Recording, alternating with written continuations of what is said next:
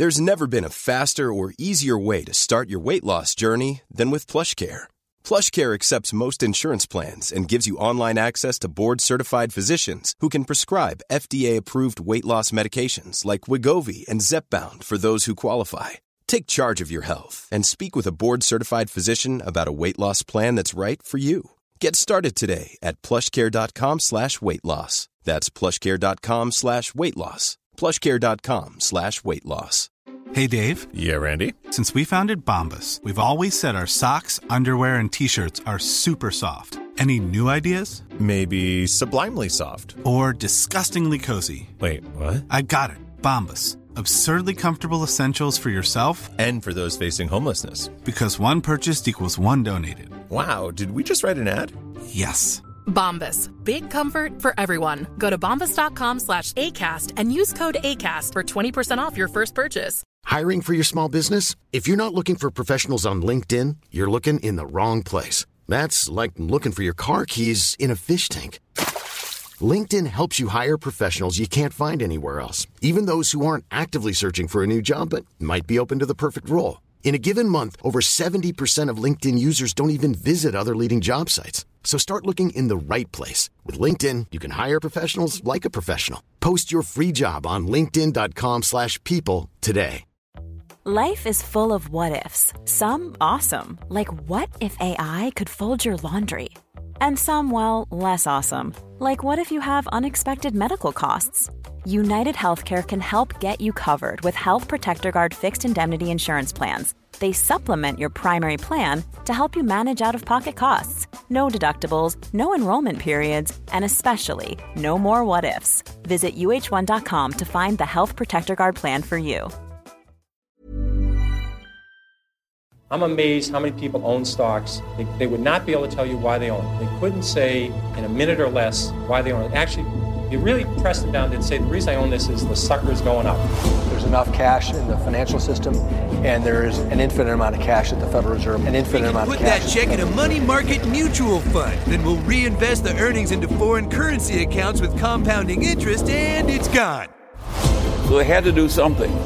All they had left was just to print money and start buying things. And that's what they did. Quick buck artists come and go with every bull market, but the steady players make it through the bear market. They say money can't buy happiness. Look at the fucking smile on my face. Hej och välkommen till ett nytt avsnitt av Market Makers. Och idag Fabian blir det lite specialavsnitt. Vi har ju med oss två gäster som numera driver en egen podd.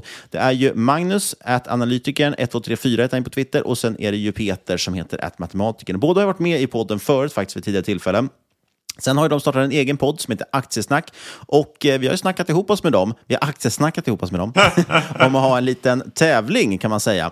Där vi då helt enkelt ska alla få dra varsin pitch om en aktie som man tror då kommer gå bra på 12 månaders sikt. Så det är ju ganska kortsiktigt på sätt och vis. Och det blir jättespännande. Det blir verkligen högt och lågt. Det blir stor globalt eh, tech kan man säga. Det blir väldigt liksom nischad hårdvara. Det blir grön energi och det blir smutsig olja också. Jag undrar vem som kommer med den pitchen. Jag ska bara säga, det är inte smutsig olja, det är offshore, okej? Okay? Det är infrastrukturen, det är oljans Evo, okej? Okay? ja, nej, men det är i alla fall en jättekul idé här och det vi har gjort då helt enkelt, det är att i dagens, ni som lyssnar på det här avsnittet av Market Makers, ni kommer helt enkelt höra Peter och Magnus pitch i det avsnittet. Vill ni höra min och Fabians pitch? Ja, vad gör man då Fabian? Jo, då måste man gå in i aktiesnack, måste man hitta istället, den podden, och så lyssnar man på det. Och det avsnittet då, det släpptes ju innan vårt avsnitt. Vi släpper ju på torsdag, den 14 december borde det bli. Och de släpper ju, eh, nej 15 december va, till och med. Och de släpper ju på Lucia, alltså den 13 december. Så man går in på aktie, söker fram Aktiesnack i sin podcastapp och ja, letar fram helt enkelt deras senaste avsnitt så kommer man höra våra två pitchar. Och sen kommer vi uppföljning på det här om 12 månader också förstås. Ja, och eh, vem kommer att vinna då? Ja, hint, Fabian såklart. Men det eh, här är en rolig grej som vi kör nu. Förhoppningsvis kan vi köra det i framtiden också. Och eh, framförallt ge er lite intressanta stenar att vända på. Ja, men precis. Så vi hoppar väl rakt in och bjuder in Magnus och Peter. Men först ska vi påminna att det inte är rådgivning och rekommendation. Eh, vi berättar bara om vår process och hur vi tänker. Gör alltid din egen analys och glöm aldrig att alla investeringar är förknippade med risk. Då välkomnar vi in här i poddstudion två kära gäster. Det är ju Magnus, även känd som analytikern. Är det 123 eller 1234? 1, 2, 3, 4. Ja, jag, jag tycker ändå det är ett av de vassaste användarnamnen på Twitter. Visst är. Och sen har vi ju Peter, känd som matematiken på Twitter. Och båda ni två har ju gästat vår podd tidigare. Eh, Magnus, du var med i avsnitt 186 tror jag. Ganska gammalt avsnitt helt enkelt. Och matematiken, du var med i avsnitt 201. Men jag lämnar över till er, låter er presentera er själva lite grann och sen kan vi väl hoppa rakt in på era pitchar också. Absolut. Eh, För min del så var jag med i er podd som sagt då för ett och ett halvt år sedan. Och det var ju lite inspirationen bakom att vi startade den här podden, jag och Peter. Ja, du hörde väl mig i Market Makers och sen så bjöd du ut mig på lunch, var det inte så? Exakt, en liten dejt. Jag, Ja, jag förväntar mig royalty här. Så ni borde ju ha en katt på, på våran spons. Ja, minst 20 procent. Det kan jag köpa. Men eh, min bakgrund är att jag var eh, analytiker på Redeye och eh, Penser. Eh, Penser under tiden som jag blev intervjuad av er. Och sen så sen november förra året så har jag hållit egen låda och handlat själv samtidigt som jag har gjort den här eh, podden tillsammans med Peter. Då. Och lite kort om mig. Jag eh, heter då Peter och jag eh, jobbar som analytiker på Kalkyl där jag också är en av tre medgrundare och som Niklas sa så kallar jag mig själv för matematiken på Twitter. Och eh, förutom Kalkyl då så driver jag podden Aktiesnack med, med Magnus. Ja, vad, vad ska ni pitcha idag? Vad har ni med er till podden? Hoppas att det är någonting jäkligt bra. Ja, men eh, jag kan börja. Eh, Och det är jävligt bra.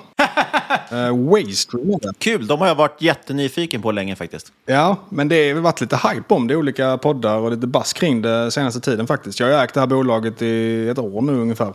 Och det har vi pratat om i vår podd tidigare ju. Ja, Efter exakt. en sit-down med deras CEO. Exakt. Och eh, det här är ett bolag som säljer switchar till internetfiber. Och lite kort pitch om varför jag gillar det bara är man har nettokassa.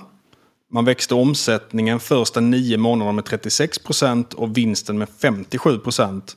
Och på mina estimat så handlas man till EV-EBIT 8 nästa år. Och man har en rörelsemarginal på 20 procent samtidigt som man växer lönsamt.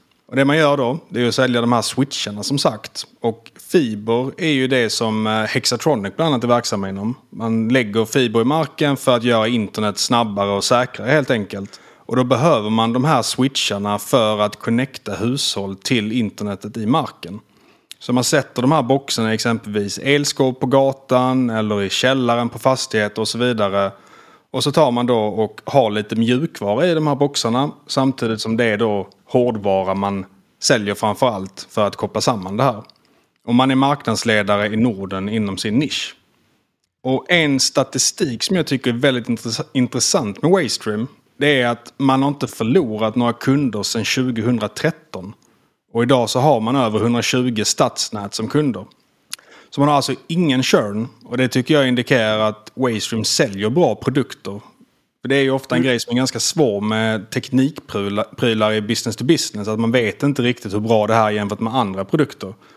Men bolaget själva hävdar att man har väldigt robusta produkter, att många kunder tycker de är användarvänliga och att de är väldigt tillförlitliga också, vilket såklart är väldigt viktigt när det kommer till internetaccess då. Och förutom att produkterna är bra så kanske det är också hög switchingkost. Så kan det mycket väl vara. Det kan ju ligga bakom den låga körnen. Men som sagt, körnen indikerar för mig att eh, det är bra produkter som, som kunderna gillar. För när man hör liksom, internetswitchar då tänker man ju att det är något som eventuellt är rätt kopierbart. Men som det verkar här så har du en rätt stor vallgrav.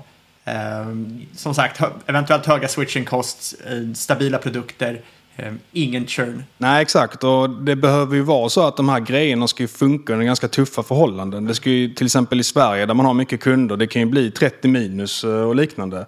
Och att då funka, då kan det nog vara lite svårt med någon kinesisk eh, kopia eller liknande. Plus så har man mjukvara i produkten också så att när man väl är då fastighetsägare och liknande ska man enkelt kunna kalibrera det här och kolla om någonting blir fel. Så att det inte bara liksom en, en plastbit man säljer utan det är också lite teknik i det här. Och eh, som jag förstår det i alla fall så har man då två typer av försäljningar. Dels är det när man gör nyförsäljning av det här. Och då är det ofta att man byter ut gamla switchar mot Waystreams. För att de gamla kanske installerades för 15 år sedan och är inte lika bra som Waystreams helt enkelt. Och sen har man också merförsäljning till sina gamla kunder. Och det är ju det som gör så fint att man inte har någon churn. För då är det så att de här gamla stadsnäten, när de kanske bygger till någon ny fastighet i kommunen eller liknande, då beställer man nya ordrar på de här switcharna. Så man får en större intäktsbas kontinuerligt ju fler kunder man har och eftersom de inte försvinner så blir den massan större och större för varje år som går. Har man någon känsla för hur ofta man behöver byta switchar? Det kanske är svårt att säga eftersom det, det hela tiden utvecklas också. Ja, det är en bra fråga. Jag vet att Waystream själva hävdar att de har ju haft switchar som har suttit i 15 år och funkar lika bra idag, idag som på den tiden. Mm. Det känns nämligen som att de borde hålla klart. ganska länge tycker jag. Ja, men exakt. Och det är ju enligt företaget själva då en, en styrka med Waystream. Sen är det ju svårt att veta exakt hur länge de håller, men som jag fattar det än så länge så är det inte så att de behöver bytas ut. Nej. Inte Waystreams i alla fall. Samtidigt vill man ju som investerare vill man ju gärna att de ska bytas ut ofta. Ja, det jag tänkte också. Ja, men jag kommer komma till det med marknaden sen. Det är en väldigt stor marknad så att eh, de behöver inte byta ut allt för mycket för att det här ska vara ett case man kan räkna hem. Eh, och eh, om man då kollar på också en annan fördel med, med eh, Waystream, det är att man är då ett svenskt bolag som har majoriteten av produktionen i Sverige. Och just när det kommer till sådana här internetswitchar så är det särskilt viktigt för att den största konkurrenten tidigare, det var Huawei. Och som många nu känner till så har ju det varit väldigt mycket eh, debatt kring om man ska ha internetinfrastruktur som kommer från kinesiska bolag eftersom Kina då kan spionera och man kan helt enkelt ha inblandning från kinesiska staten. Så att idag är det knappt några som använder Huawei switchar längre och det har gjort att det har blivit liksom ett tomrum i marknaden som då Waystream har kunnat fylla på ett väldigt bra sätt. Ja, jag tycker också man, det känns som man har läst om det där att eh, de även, många kommuner slänger ut också Huawei switchar, alltså befintliga system som egentligen inte behövde bytas ut. Alltså om man tittar rent, eh, de har ju kvar livslängd liksom, men man byter ut det och då är Waystream det enda man kan byta till i princip. Ja. Det måste ju ha varit en extrem medvind för dem. Och sen så är det också så att kommuner och liknande bryr sig ofta väldigt mycket om eh, att man har klimatneutrala produkter och det har Waystream också. Och där är det ytterligare en fördel med att man har produktion i Sverige för det är mycket lättare att vara klimatneutral när du inte behöver producera i Kina med transporten och ja, kolenergin som man har där för att kunna bygga varorna. Så att jag tror att man ligger ganska rätt med att vara svensk inom just det här området. Och om vi då kollar på marknaden så har man eh, 86 procent av försäljningen i Norden idag och resten på kontinenten. Och man håller på att växa mer på kontinenten i Europa och det ser jag som väldigt positivt. Och det är för att det är mycket sämre utbyggnad av internetfiber på kontinenten i Europa än vad det är i Norden. Om vi kollar på exempelvis eh, Tyskland så har man drygt 3 miljoner hushåll med fiber till hemmet idag. Och den siffran väntas öka till 12,5 2027. Och så här ser det ut för jättemånga europeiska länder.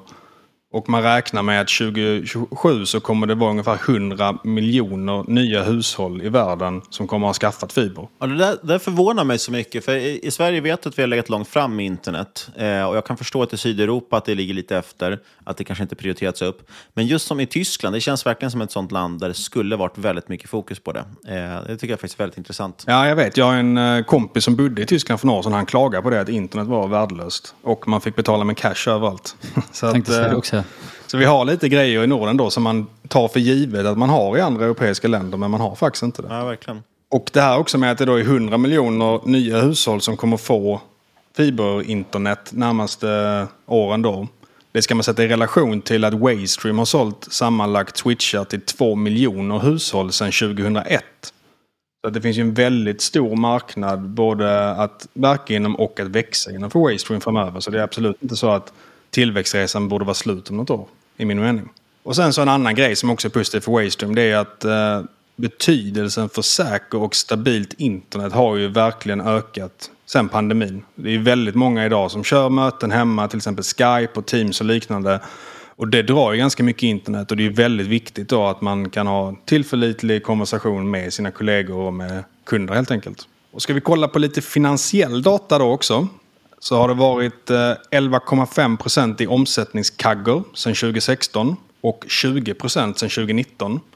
Och växt, vinsten har växt årligen med 20 procent i snitt sedan man noterades 2016.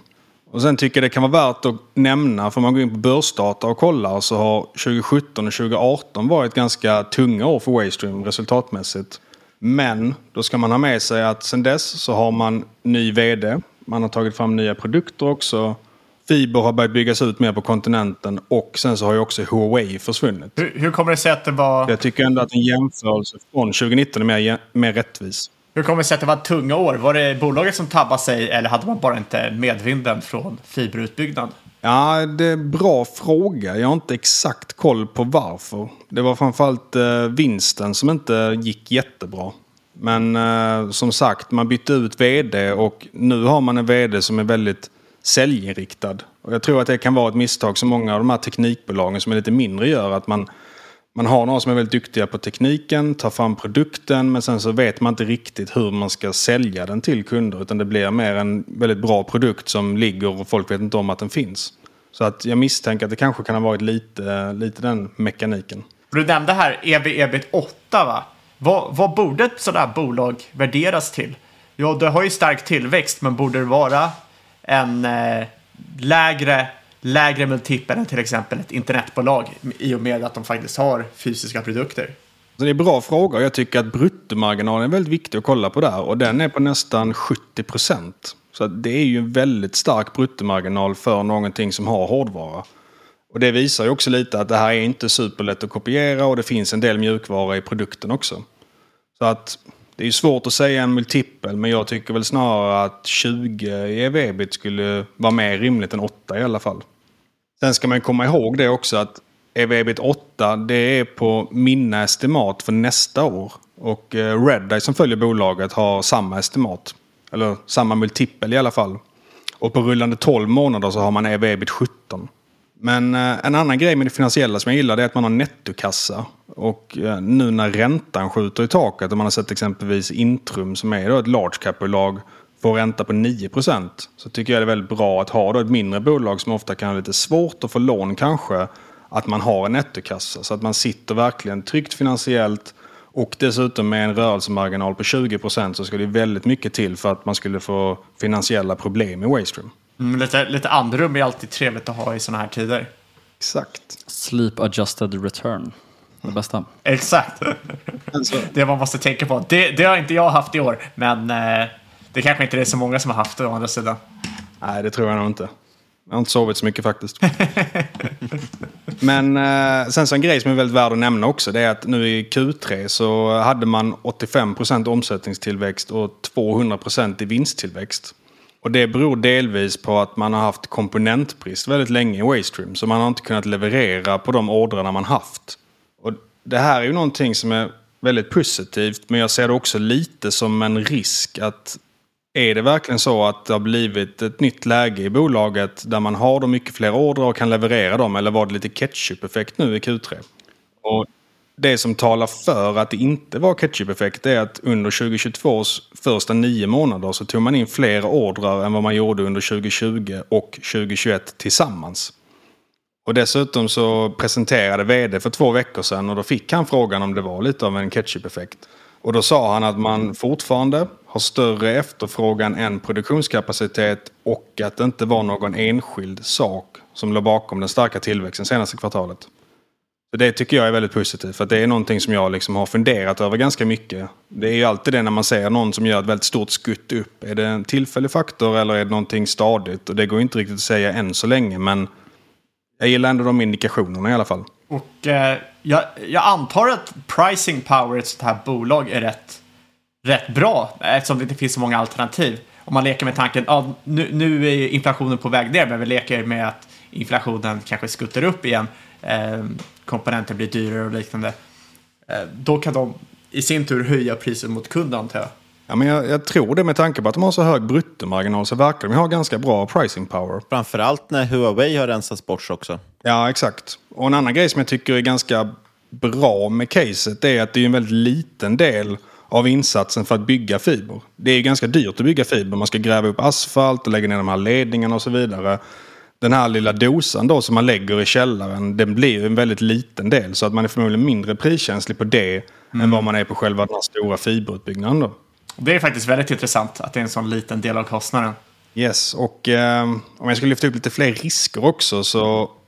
Ja, det är ju ett småbolag. De har market cap ungefär 400 miljoner. Ganska bra likviditet dock för att vara så litet. Och man har haft ganska bra resa i år när andra småbolag har slaktats.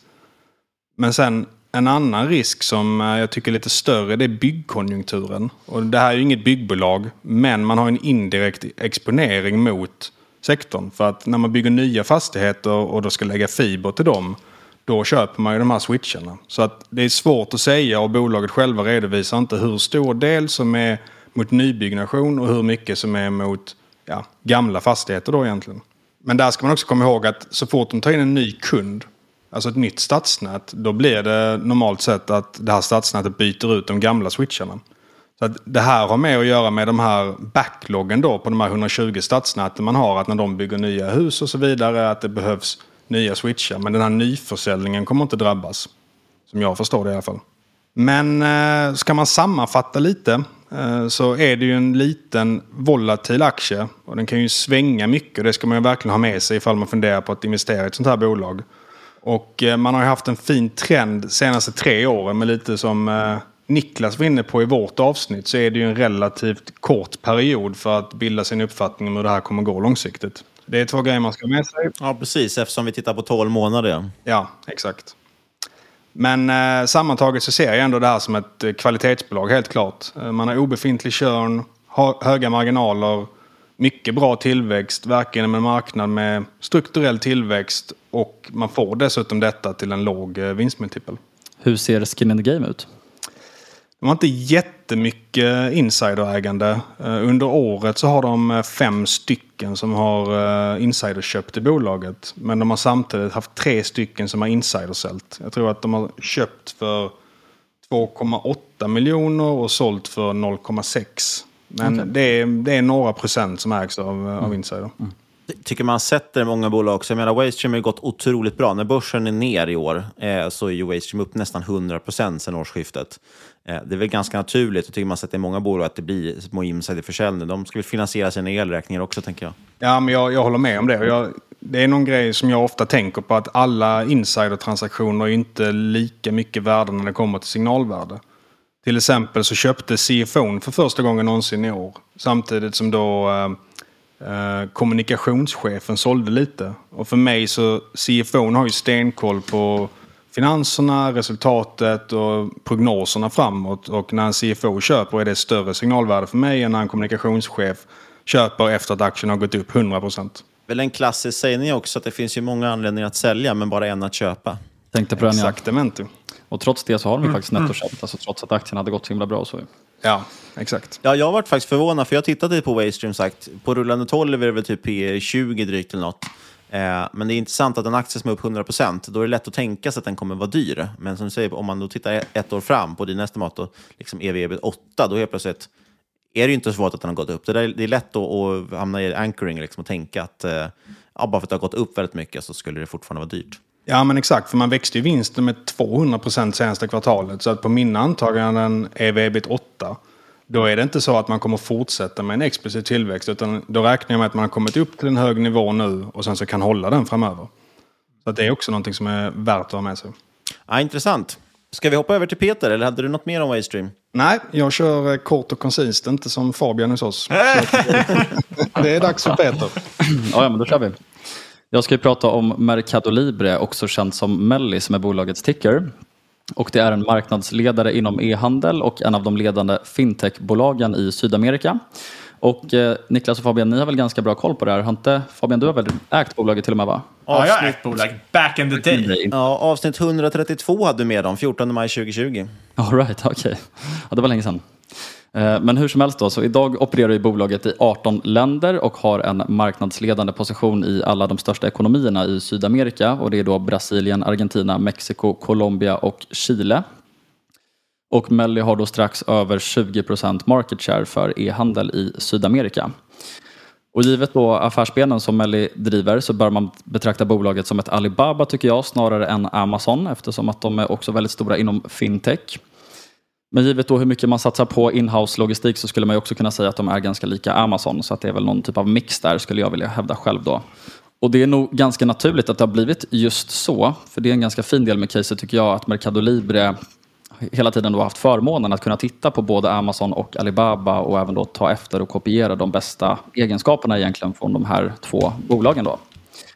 Och anledningen till att jag har fastnat för det här caset är för att bolagets historiska tillväxt verkligen är one of a kind och att de också har varit kassaflödespositiva med god marginal i över ett decennium. Och Mercado Libre har då enligt mig såklart också eh, goda förutsättningar att fortsätta den här fina resan för annars hade jag ju inte ägt aktien. Och vi kör den här tävlingen på 12 månader som vi har sagt ju. Och eh, det här är egentligen ett case som jag har på, på väldigt, väldigt lång sikt. Jag tror att liksom fundamentan kommer vara stark under väldigt lång tid. Sen är det också intressant på 12 månaders sikt tror jag, för att aktien har ju, eller tech överlag har ju faktiskt varit ganska utbombat nu. Det vill säga att growth har ju faktiskt åkt på en ganska stor snyting. Jag tror att aktien är ner ganska exakt 35 procent i år. Ja, det, är väl, det är väl värt att ha med sig att även om eh, vi är inte några makromänniskor i grunden så om det är nu så att inflationen kommer gå ner, vilket många tror, då kommer ju din aktie förmodligen vara en som har en väldigt bra resa under den tiden.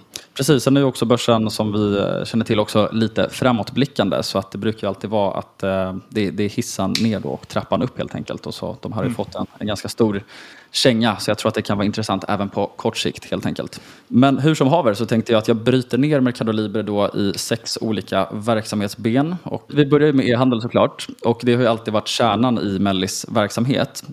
Och bolaget startade ju egentligen som en Ebay-kopia år 1999 i Argentina. Så vid starten så var ju Melli mer av ett Ebay helt enkelt, eller då Alibaba snarare än Amazon eller JD. Eh, sen så har man ju helt enkelt börjat då med, eh, med mer logistik och även då eh, eh, förstahandsförsäljning också. Så att nu har man någon mix då. De redovisar faktiskt inte det här men av de som jag har pratat med som är väldigt nära bolaget så hävdar de i alla fall att det är ungefär 70-30 i favör då för tredjepartsförsäljning. Och det är lite kul också för Amazon gjorde ju precis samma sak fast tvärtom. Det vill säga att de började med att starta sälja egna varor för att senare då bjuda in andra till att börja sälja på deras plattform helt enkelt. Och utöver e-handeln så har de ju också Mercado Pago och det skapade de ju då för att eh, komplettera deras value proposition för e-handel och för att förbättra användarupplevelsen då för både köpare och säljare. Så det här lanserades då 2003. Och kort och gott då så kan man ju säga att Mercado Pago är ett ganska komplett ekosystem av diverse då fintech-lösningar. Så det är point of sale-system, både fysiska och digitala. De tillhandahåller en digital wallet till exempel, investeringslösningar, försäkringar och så vidare. Så det är egentligen väldigt likt då Ant Financial i Kina kan man säga. Och just nu så har ju Melli 22,4 miljoner unika wallet users och 26,6 miljoner investeringskonton. Men den sydamerikanska befolkningen närmar ju sig 700 miljoner så att det finns ju väldigt mycket growth runway kvar här. Och det är också en anledning till att jag gillar caset så pass mycket. Sen glömde jag nämna det på e-handeln att e-handelstillväxten var ju faktiskt högst i hela världen i Sydamerika under covid. Eller har varit egentligen under de senaste två åren. Så det är också någonting som jag gillar väldigt mycket med caset. Och sen kan man säga också att Mercado Pago finns ju faktiskt bara också på de största marknaderna i Sydamerika. Och det är då Argentina, Brasilien, Mexiko, Colombia, Chile och eh, Uruguay. Och en väldigt stor styrka tycker jag då med den här fintech-verksamheten det är ju att varken Visa eller Mastercard eller någon annan aktör då som processar digitala betalningar är inblandade här. Och det här gäller då för de payments som Mercado Libre driver både på och utanför deras marknadsplats. Så det här gör det egentligen möjligt då för Mercado Libre att behålla en större del av intäkterna för sina digitala payments. Och den här strukturen den medför ju då förstås att Melli får starkare konkurrensfördelar än om det än om de då hade haft en beroendeställning gentemot de här amerikanska jättarna. Man brukar ju säga det att de tar ju annars ut en skatt då inom situationstecken på digitala betalningar. Och det gör de ju egentligen i hela USA och Europa. Det är ju ett eh, oligopol där skulle man kunna säga mellan de två.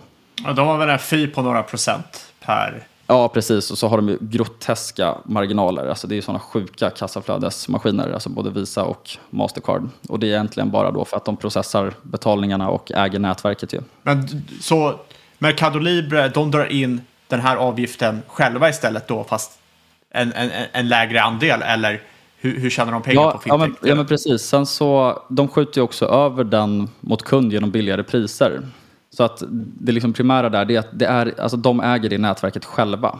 Sen är det ju såklart inte så att man kan säga att de har exakt samma marginal som Visa och Mastercard för den skull. Utan det här är ingenting som de redovisar så att det här är egentligen bara antaganden som, som jag har själv då. Om man jämför med Amazon där, för Amazon tjänar ju inte skit på sin e-handel. De tjänar ju alla sina pengar på cloudlösningen i stort sett. Mm, uh, hur, hur, hur, ställer det sig till uh, Mercado Libre? Jag fick lite intrycket att de ändå tjänar pengar på sin Eh, e-handel. Men kommer majoriteten av intäkterna då från till exempel eh, fintech-delen? Mm, just nu så är det faktiskt nästan 50-50 mellan fintech och, eh, och e-handel. Och det ser man ju på marginalen också, för gross margin stiger och eh, underliggande marginal tror i alla fall jag stiger också. Sen så investerar de ju också mer och mer hela tiden. Så att det är lite det här eh, klassiska caset i att man då skjuter över det här egentligen till kund och egentligen man, man prioriterar att bygga long term competitive advantages istället helt enkelt. Så de försöker mm. helt enkelt inte kräma ur det just nu. Okej, okay, ja. Jag vet inte om det besvarar frågan riktigt, men i alla fall den fördelningen som du frågar efter är ungefär 50-50 och eh, fintech-benet växer också mycket snabbare. Så... Ja, men, men, men, men då menar du intäkter, eller hur? Ja, ja men precis, precis. Ja, exakt. Jag, jag, jag, jag, jag, menade lönsamheten på Amazon. Lön, eh, lönsamheten särredovisar de inte, men du har i alla fall ja. en, en, ganska kraftigt stigande gross margin i alla fall just nu. Eh, mm. Den sjönk i några år, men nu har fintech börjat växa mycket snabbare och så ser man också att gross margin stiger. Sen har de hintat mycket i deras calls också. Till exempel, eller förutom det här så har de ju pratat om att deras ads-verksamhet har 70-80% i ebit-marginal. Och den utgjorde då enligt vad de sa på kalet, för de, den var 1,3 procent av GMV i förra kvartalet och att den hade en ebit-marginal mellan 70 och 80 procent. Och räknar man på det så, så, var det faktiskt en tredjedel av ebit i förra kvartalet. Och den väx, växer också väldigt snabbt. Så det är många sådana här... Och vad är det man brukar säga? In the, in the long run every company becomes an ad company. jag tror i synnerhet, det har jag pratat mycket om i vår podd, att för de här eh, e-handelsmarknadsplatserna så tror jag verkligen att eh, det där kommer vara en riktig game changer. Och det ser vi också på Amazon nu. Jag gjorde en beräkning på det, jag kommer inte ihåg exakt siffra, men om, om det är så att Amazons eh, ads business har typ 56 procent i, i ebit-marginal så är det ju mer i ebit som den genererade förra kvartalet än AVS, vilket det pratas väldigt lite om. Precis som du sa här, liksom, att alla tänker att Amazon det är bara AVS som tjänar pengar. Liksom. Men om man faktiskt mm. kastar på den här ads-businessen på deras e-commerce-verksamhet så är den ju mm. Eller har i alla fall potential att bli väldigt lönsam. Absolut, och det är jäkligt imponerande faktiskt. Visar ju varför Facebook och Google har gått så jäkla bra. I alla fall kassaflödesmässigt. Aktiekursen är en annan, annan historia. Ja, ja, men precis. Jo, men Amazon tar ju faktiskt marknadsandelar från, eh, från dem. Eller deras ads business mm. växer ju snabbare i alla fall i USA. Så det, det tror jag verkligen man ska ha koll på. Och det som är så pass intressant då också är ju att då har man den här fysiska infrastrukturen och du har ett ett väldigt, väldigt starkt brand, du har byggt upp en vana hos konsumenten att de handlar på den plattformen. Och så aktiverar man egentligen det här till nästan ingen marginalkostnad. Och så har du liksom all, all capex är typ redan tagen. Nu, nu kan man ju såklart spendera, eller Mercado Libre kan såklart spendera väldigt mycket på capex i lång tid framöver om de ska bli lika eh, effektiva som Amazon när det kommer till logistik. Och sen så kan vi gå över då på Mercado Credito och eh, det är då Mellis kreditlösning och den växer väldigt snabbt också. Och den tycker jag är väldigt intressant just för att den här regionen, då, eller Sydamerika och Brasilien då, där Mercado Libre är störst, de har ju länge haft då sämst villkor för både bolån och konsumentkrediter i typ hela världen. Så att de väntar egentligen då på tjänster som just Mercado Pago och då Mercado Credito då, som kommer demokratisera en stor del av ekonomin och kreditmarknaden. Och det här tror jag också är då en av orsakerna till, till att det här växer så pass snabbt. Och bara i år då så har faktiskt den brasilianska styrräntan rört sig från 10 till 14 procent. Och det här har ju också såklart tvingat om eh, bankerna där att höja räntorna mot slutkund. Och eh, Mercado Libre har ju faktiskt fördelen här också att de lånar från Goldman och City i deras utlåningsverksamhet så att de outsourcar egentligen lite risk och då får eh, ja, helt enkelt mindre räntekostnad än om de hade lånat då från den brasilianska staten. Och här har de också en... var det för typ av Liksom, om man är kund på Mercado Libre, vad lånar man pengar till då? Är det för att köpa hus eller är det för att köpa produkter på Mercado Libre? Ja, det, det är konsumentkrediter och även krediter till bolag främst, alltså till SMEs. Okay.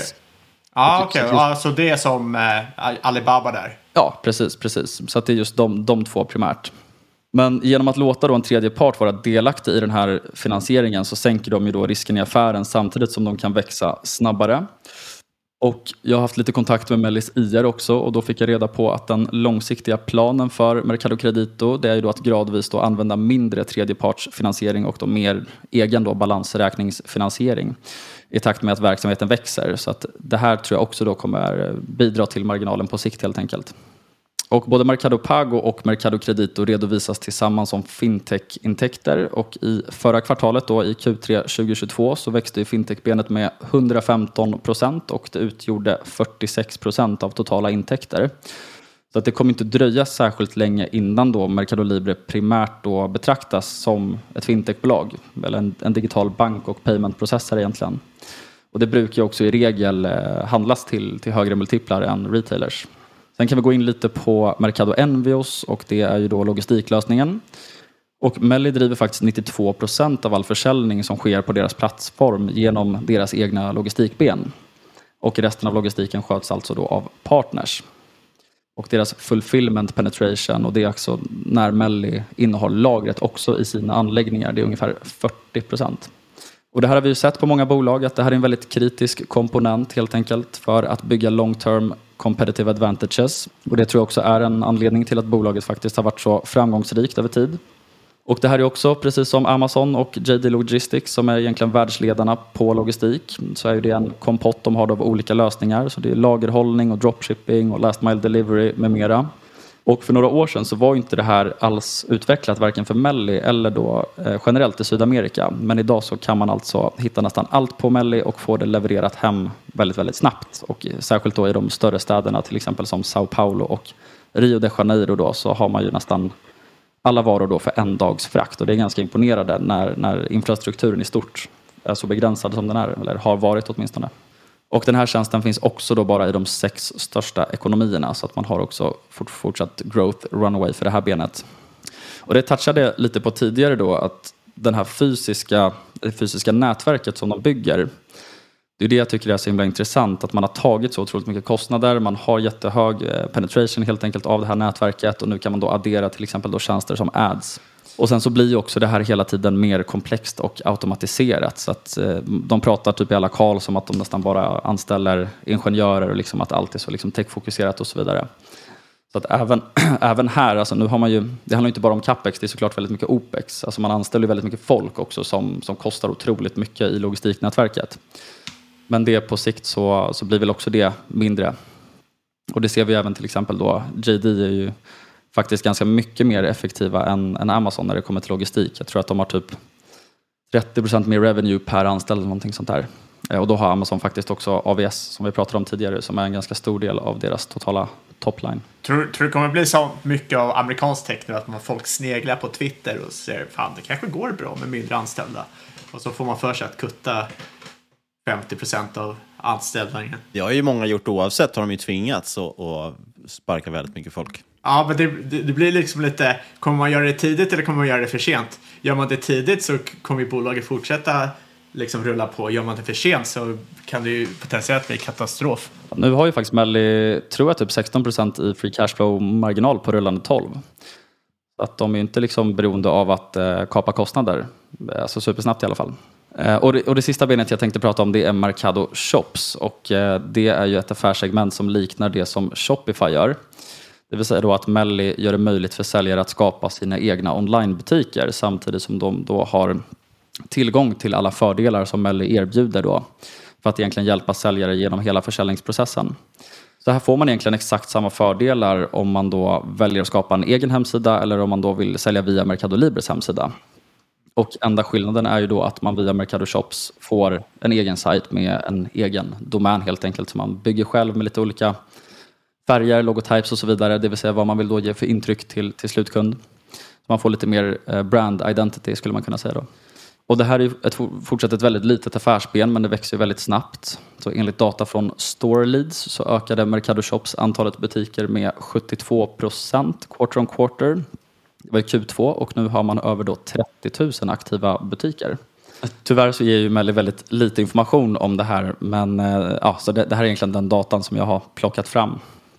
Men om vi fördjupar oss lite mer då i investeringscaset så tycker jag ju om att det är väldigt lätt att begripa. E-handel växer både snabbt och växer på alla kontinenter. Och anledningen eh, till det är ju faktiskt inte så svår. Alltså value proposition för kunderna tycker jag är väldigt glasklar. Och det bottnar att man som kund då får lägre priser, större utbud och större tillgänglighet och flexibilitet då jämfört med fysisk retail. Och jag, jag brukar ju få höra att jag är lite tråkig där ibland och att min, min investeringstes här kanske är lite för simpel. Men jag tycker om när det är simpelt. Det, bru- det brukar alltid bli bäst i slutändan när det är simpelt. Ja, men jag, jag är nog inte lika mycket liksom momentum-investerare som, som ni två, utan jag gillar att äga liksom väldigt bra bolag som jag tycker att jag förstår över tid. Och sen så får jag leva med de kortsiktiga fluktuationerna helt enkelt. Ja, inget fel med det. Inget fel med er heller grabbar. Någonting fel är det. ja, någonting fel är det. Men det här innebär då i alla fall såklart att eh, e-handel sparar konsumenten både tid och pengar samtidigt som konsumenten då också får fler valmöjligheter. Så att jag tror väl att det här bara kommer fortsätta helt enkelt, att det kommer ta mer marknadsandelar från fysisk retail. Sen har vi faktiskt också väldigt fin optionalitet som de redan har bevisat också i och med Mercado Pago och Adsen också som jag pratade om. För his- historiskt så har ju e-handelsplattformar varit helt otroliga när det kommer till optionalitet. Alibaba blev ju det största försäkrings och fintechbolaget i Kina.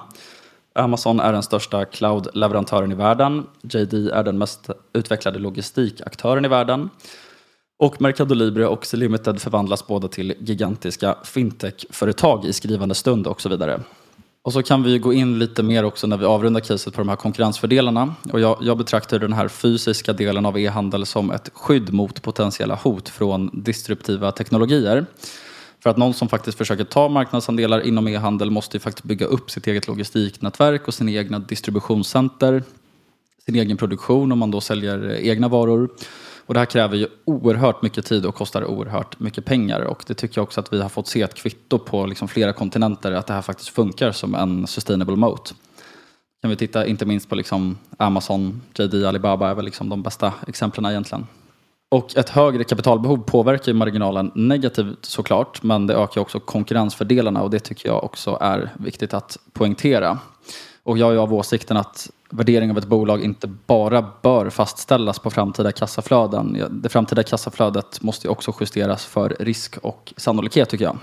Jag tycker det är lite klokt att tänka i de termerna. Absolut. Ja, absolut. Expected value liksom. Det är, man kan ju inte bara räkna på potentiell uppsida som man ser i många, eh, många av de här biotech-casen. Oh, det kan gå 10 000 gånger pengarna.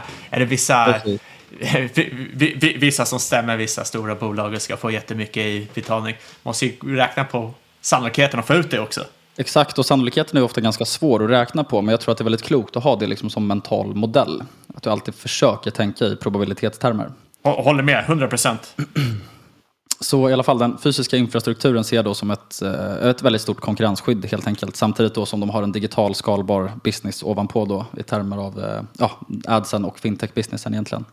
Och sen så har de också väldigt lång historik. Så att det är extremt fin tillväxt och positiva kassaflöden. Och management har också varit med i Melli väldigt, väldigt länge och det är högt insiderägande. Så snitttiden på bolaget för de fem högst uppsatta är ju då hela 19 år på bolaget. Och det är ju en siffra som jag knappt har stött på tidigare. Insiderägandet är runt 8 procent och grundaren har också varit vd sedan start och det är han fortfarande. Och eh, omsättningen har då växt nästan 20x de senaste 10 åren och free cash flow som jag nämnde tidigare har ju varit positivt i över ett decennium. Och det har legat mellan typ 10 och 20 procent eh, senaste 10 åren ungefär. Och om man går in lite på värderingen som du har suttit och kliat lite i huvudet över Fabian, har jag sett. du, du väntar på det här. Nej, jag har inget emot en eh, kraftig värdering om det är så. Ja, det är ju inte EV Free Cash Flow ett och ett halvt på det här i alla fall som, du, som din, eh, ditt oljebolag. Men hur som haver så har vi ju, eh, tror jag i alla fall på mina estimat, 15 gånger ebit ungefär tre år fram i tiden. Och det låter kanske inte superbilligt men jag tycker ju heller inte att den här businessen ska vara så billig. Och jag tror att det här ger ungefär 20-25% kagger. Kanske lite mer så om man har lite flax kommande fem åren. Och det tycker jag är en ganska rimlig målsättning också. Och jag räknar med att bolaget omsätter runt 30 miljarder dollar år 2026 med en ebit och free cash flow-marginal på 13 procent. Och eh, ebit och free cash flow har ju historiskt legat väldigt, väldigt nära varandra i Melli så jag räknar egentligen dem hyfsat likt. Och sen så använder vi då 25 gånger ebit som exit multipel då så får vi en värdering på ungefär 100 miljarder dollar då 2026 E. Och det här ger en potentiell avkastning på ungefär då 20 procent per år de kommande fyra åren. Så att där har vi väl egentligen... Det är rätt stabilt. Jag kan nämna några risker också. Det är ju många som poängterar att det är också politisk risk, ska man vara medveten om. Alltså inflationen kan ju, le, lever ju sitt eget liv, ofta i Sydamerika. Sen kan man flippa det coinet lite att Mellis Management har ju alltid behövt tampas med den miljön också. Och det har de ju faktiskt gjort så otroligt bra nu i liksom snart 25 år. Så att jag har läst många ändå som, som betraktar ändå det som lite positivt också. Och sen så har vi väl också en risk faktiskt i att liksom e-handeln skulle kunna bli lite av en commodity. Alltså det är ju svårt att sticka ut så att det kan ju hända liksom att aktörer kommer ikapp. Sen är jag väl lite inne på spåret att den här nätverkseffekten av att man faktiskt är störst, att man har väldigt stora fördelar på grund av det. Och än så länge så har man faktiskt både bättre marginaler och växer snabbare än konkurrenterna. Så det tycker jag ändå är någon typ av kvitto på att de faktiskt har en moat, idag i alla fall. Ja, det, det, det du säger där, det ribbar ju rätt väl med det man säger, ser med till exempel Amazon. Nu har jag ju mer koll på Amazon än på Mercado Libre, men eh, många som till exempel ska söka för produkter de vill köpa, de går ju direkt till Amazon istället för till Google. Och då visar ju på någon typ av vallgrad där, när du är intresserad av att köpa någonting så går det direkt till hemsidan där du vill köpa den på. Ja, ja men precis, ja, men det håller jag med om. Um, men återigen, det, jag har en liten känsla då att retail ändå, alltså även för e-handel, skulle bli, kunna bli lite av en commodity.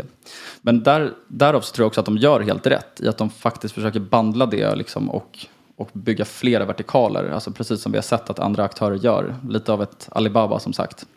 För det, det kommer ju liksom göra att Melli kan ha ett bättre value proposition egentligen. Det vill säga om de driver då payments och sen så kanske de faktiskt inte ens tar betalt för det så kan de alltid till exempel då ha en pricing eh, power reversed skulle man kunna säga. Att, att de faktiskt kan sälja billigare och därav har högre kundlojalitet till exempel. Så där, där har ni caset. Väldigt intressant. Verkligen. Eh, jag är lite osäker på om jag kommer vinna den här tävlingen, men jag känner i alla fall att jag kanske tar minst risk i alla fall. Nej, det var skitkul att ha med er grabbar. Två riktigt bra pitchar. Verkligen. Och eh, det blir en uppföljning på det här om 12 månader dessutom. Har man någonting att se fram emot mer än julafton 2023, det är ju nice. Mm. ja, men stort tack nu. Ja, stort tack för att vi kunde vara med. Ja, jättekul att vara här. Och som vanligt ska vi påminna om att eh, ja, i det här fallet så pitchar vi ju case, så att vi får väl utgå från att de, de äger aktier i bolagen pratar om, annars så skulle de kanske inte tro på dem. Så att säga. Eh, men oavsett så inget hört den här podcasten som, som rådgivning. Alla åsikter var egna eller vår gäst och eventuella sponsorer tar inget ansvar för det som sägs i podden. Tänk på att alla investeringar är förknippade med risk och sker under eget ansvar. Kontakta oss på podcast at marketmakers.se eller på Twitter och aktier at marketmakerspod om du vill få något sagt. Och lämna gärna en recension på iTunes. Och sist men absolut inte minst, stort tack kära lyssnare för att just du har lyssnat. Vi hörs igen om en vecka.